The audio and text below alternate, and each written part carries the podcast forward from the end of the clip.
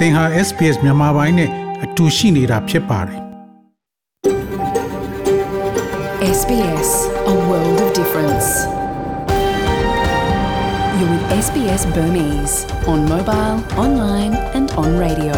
mobile online နဲ့ radio ပေါ်မှာသင်ဟာ SPS မြန်မာပိုင်းနဲ့အတူရှိနေတာဖြစ်ပါတယ်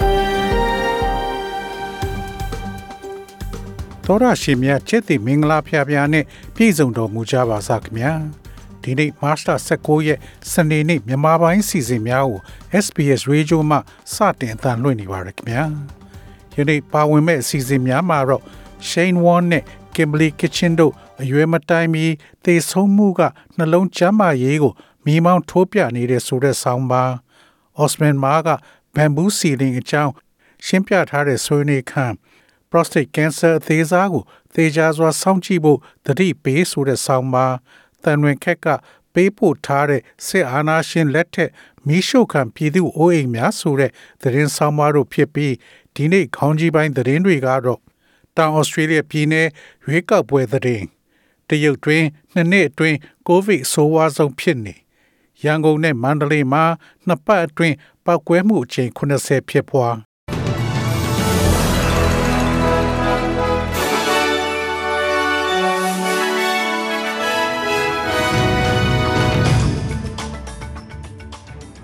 ယခုချိန်ကစပြီးသတင်းများကိုကျွန်တော်ကြော်ထုတ်အောင်ကစတင်ဖတ်ကြားပါတော့မယ်။တောင်ဩစတြေးလျပြည်နယ်ရွေးကောက်ပွဲသတင်းတောင်ဩစတြေးလျပြည်နယ်ရွေးကောက်ပွဲမှာမဲပေးမှုတွေဆက်လက်ပြုလုပ်နေပါတယ်။တောင်ဩစတြေးလျပြည်နယ်အဓိကပါတီကြီးများရဲ့ခေါင်းဆောင်များကယခုမဲဆန္ဒပေးခဲ့ကြပြီဖြစ်ပါတယ်။ယနေ့စနေနေ့တွင်မဲပေးရန်လူတသန်းခန့်မျှော်လင့်ထားပြီးခံမှန်းချေလူဦးရေ3သိန်းခန့်သည်အစောပိုင်းတွင်မဲပေးရန် သို့မဟုတ်စာတိုင်းမှာမဲပေးရန်ရှောက်ထားနေပြီဖြစ်ပါတယ်။အတိုက်ခံကောင်းဆောင်ပီတာမာအော်နိုကတ်သည်တောင်ဩစတြေးလျရွေးကောက်ပွဲအဖြစ်ရလဒ်သည်နီကမီဟုထင်မြင်တော်လဲပြည်내ဝန်ကြီးချုပ်စတီဗန်မာရှယ်ကခေါင်းဆောင်နှစ်ဦးစလုံးရဲ့နောက်ဆုံးမဲပေးပွဲအတွက်ပြတ်သားသောရလဒ်ကို ထုတ်ဖော်ပြောဆိုမယ်လို့ဆိုပါတယ်။တရုတ်တွင်နှစ်နှစ်အတွင်းကိုဗစ်ရောဂါအဆိုးဝါးဆုံးဖြစ်ပွားနေ ဒေသတွင်း၌ကိုဗစ်ရောဂါဖြစ်ပွားမှုများပြားလာခြင်းကြောင့်တရုတ်နိုင်ငံရှိ လူဦးရေ24သန်းရှိသောချီလင်းပြည်နယ်ကို အသွားအလာပိတ်ဆို့ထားပါတယ်။အာဏာပိုင်များရဲ့မတ်လ14ရက်ထုတ်ပြန်ကြေညာချက်အရမတ်လ23ရက်ကပြည်내အတွင်းပြည်တွင်းကူးစက်မှုပေါင်း895ဦးနဲ့ယောဂလက္ခဏာပြသူ132ဦးရှိတယ်လို့ကူးစက်ယောဂဗေဒပညာရှင်နဲ့ကျန်းမာရေးစီးပွားရေးပညာရှင် Eris Foundation ကပြောပါတယ်။ထို့အပြင်ကိုဗစ်ဖြစ်ပွားမှုကြောင့်တရုတ်ဆိုအားကခြေလင်းမြို့တော်ဝင်ကိုယာဒူးမှဖယ်ရှားခဲ့ပြီးရှင်ကျန်းအာဏာပိုင်များကမြို့ကိုရက်သက်တပတ်မြအသွာလာပိတ်ဆို့ထားပါတယ်။မာစတာဆန်နီယက်ကယောဂကုဆက်ခံရသူ1524ဦးရှိရာမှမာစတာ73ရက်တွင်3122ဦးထိရှိလာကြောင်းတရုတ်အမျိုးသားကျန်းမာရေးကော်မရှင်ကထုတ်ပြန်ပါတယ်။ ရန်ကုန်နဲ့မန္တလေးမှာနှစ်ပတ်အတွင်းပောက်ကွဲမှုအချိန်80ဖြစ်ပွား RFA ကတည်တံ့ကောက်ယူထားတဲ့အချက်လက်တွေအရ2022ခုနှစ်မတ်လ1ရက်ကနေ14ရက်နေ့ထိနှစ်ပတ်အတွင်းရန်ကုန်မြို့မှာပောက်ကွဲမှု36ချိန်မန္တလေးမြို့မှာ34ချိန်စုစုပေါင်းအချိန်80အထိပောက်ကွဲမှုတွေဖြစ်ခဲ့ပါတယ်။ရန်ကုန်တိုင်းထဲကလှိုင်သာယာမြို့နယ်မှာ10ချိန်အလုံမြို့နယ်မှာ4ချိန် ခရမ်းမြို့နယ်မှာ4ချိန်ရွှေပြည်သာမြို့နယ်မှာ3ချိန်လှိုင်မြို့နယ်မှာ3ချိန်ကြောက်တန်းမြို့နယ်မှာ2ချိန်မော်ဘီမြို့နယ်မှာ2ချိန်နဲ့ချီးမြင့်တိုင်းကော်မှုဒေါ်ဘုံမင်္ဂလာတုံမယန်းကုန်းမြောက်တကုံမြောက်ဥက္ကလာပတန်လင်းလဲကူးနဲ့သုဝနာတို့မှာတစ်ချိန်စီဘုံပေါက်ကွဲမှုများဖြစ်ခဲ့ပါတယ်။ပေါက်ကွဲမှုတွေဟာစစ်ကောင်စီရဲ့ တောက်တိုင်းစီးပွားရေးလုပ်ငန်းတွေနဲ့လုံခြုံရေးတပ်ဖွဲ့တွေကိုအဓိကပြစ်မှတ်ထားတိုက်ခိုက်တာလို့မြေပြင်ဖောက်ခွဲမှုတွေကိုဥဆောင်နေတဲ့ရန်ကုန် Federal Army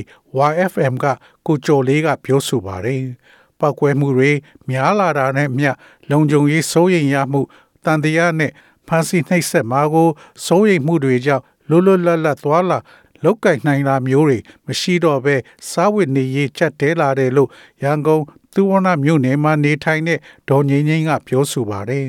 အချိန်မရွေးပောက်ခွဲမှုတွေရှိနေပေမဲ့ဝန်ရေးအတွက်နေ့စဉ်ပြင်ထွက်အလုံးလုံးနေရလို့လုံခြုံရေးအတွက်အမြဲစိုးရိမ်နေရတယ်လို့မြို့ကန်တချို့ကပြောဆိုပါတယ်တမတော်နဲ့ရဲတပ်ဖွဲ့ CDM ဝန်ထမ်းတွေကိုဩစတြေးလျကအခြေချနေထိုင်ခွင့်ပေး အာနာသိန်းစစ်ကောင်စီရဲ့ပြည်သူလူထုအပေါ်အကြမ်းဖက်တပ်ဖြတ်မှုတွေကိုစန့်ကျင်ပြီးຫນွေဦးဒေါ်လာရေးမှာပါဝင်လာခဲ့တဲ့ CDM လက်နက်ကင်လုံခြုံရေးတပ်ဖွဲ့ဝင်တွေကို အကာအကွယ်ပေးတဲ့အနေနဲ့ဩစတြေးလျဆိုအားကလာရောက်အခြေချနေထိုင်ခွင့်ပေးနေပြီဖြစ်ပါတယ်။ ပထမဆုံးချိန် CDM တပ်မတော်အရာရှိ2ဦးနဲ့သူတို့မိသားစုတွေဩစတြေးလျနိုင်ငံကိုပြီးခဲ့တဲ့ February လအလယ်ပိုင်းကရောက်ရှိသွားပြီလို့ RFA ကစုံစမ်းသိရှိရပါတယ်။ Melbourne မြို့မှာမတ်လ16ရက်နေ့ကထုတ်ဝေတဲ့ The Age သတင်းစာမှာသူတို့ကို January လမှာဩစတြေးလျအစိုးရကခေါ်လွင်ခွင့်ပေးခဲ့တာဖြစ်ကြောင်းနဲ့အဲ့ဒီအရာရှိတွေကဗိုလ်ချုပ်မှုကြီးမင်းအောင်လှိုင်ဦးဆောင်တဲ့အာဏာသိမ်းစစ်တပ်ဟာ အင်မတန်ကောက်ချက်ဆင်လဲကြောင်းသူတို့အနေနဲ့ပြည်သူတွေကိုတပ်ဖြတ်ခြင်းမပြုလုပ်လိုကြောင်းစသဖြင့်ပြောဆိုတယ်လို့ဆိုပါတယ်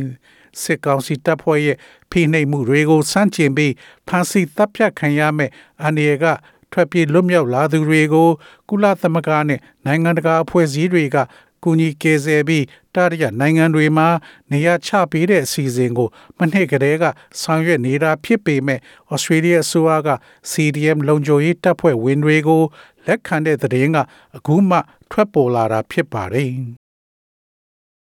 Queensland ရေလွှမ်းမိုးမှု Queensland ဆိုရသည်ရေလွှမ်းမိုးမှုတန်းခံရသောဒေသခံများကိုကူညီရန်ထောက်ပံ့ရေးအစီအစဉ်အသစ်အသေးစိတ်ချက်လက်များကို ထုတ်ဖော်ပြသခဲ့ပါတယ်။ ဒီ package စီ Queenslander လူထုအားပြန်လည်အစားထိုးရန်ပြုစုပြိုးထောင်ရန်သို့မဟုတ်၎င်းတို့ရဲ့ပျက်စီးနေတဲ့ပိုင်ဆိုင်မှုများကို ပြန်လည်ရောင်းချရန်ရွေးချယ်ခွင့်ကိုပေးဆောင်ရတဲ့အတူတဲခုနေထိုင်ခြင်းပေါ်အာယုံစိုက်မှာဖြစ်ပါတယ်။ SBS SBS SBS SBS SBS This is SBS Radio.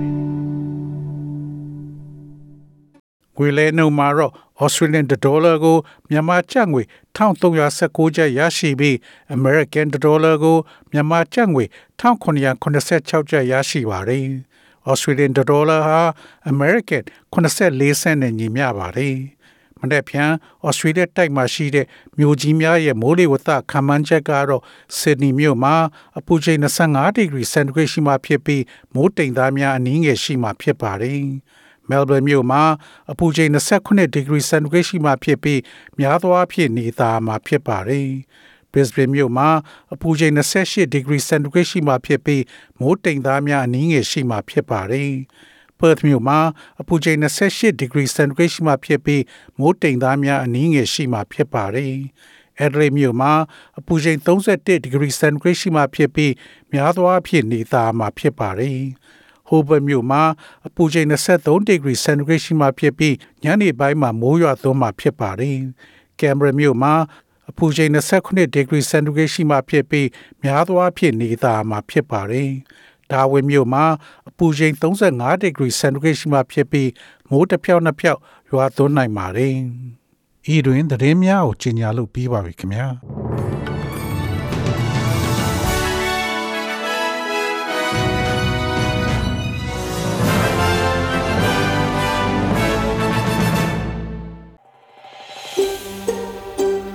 ဒါမျိုးသတင်းဆောင်မတွေကိုပိုနားဆင်လိုပါလား Apple Podcast Google Podcast Spotify တို့မှာသင်ပင်ရာဖြစ်ဖြစ်ရယူတဲ့ podcast ကနေပါ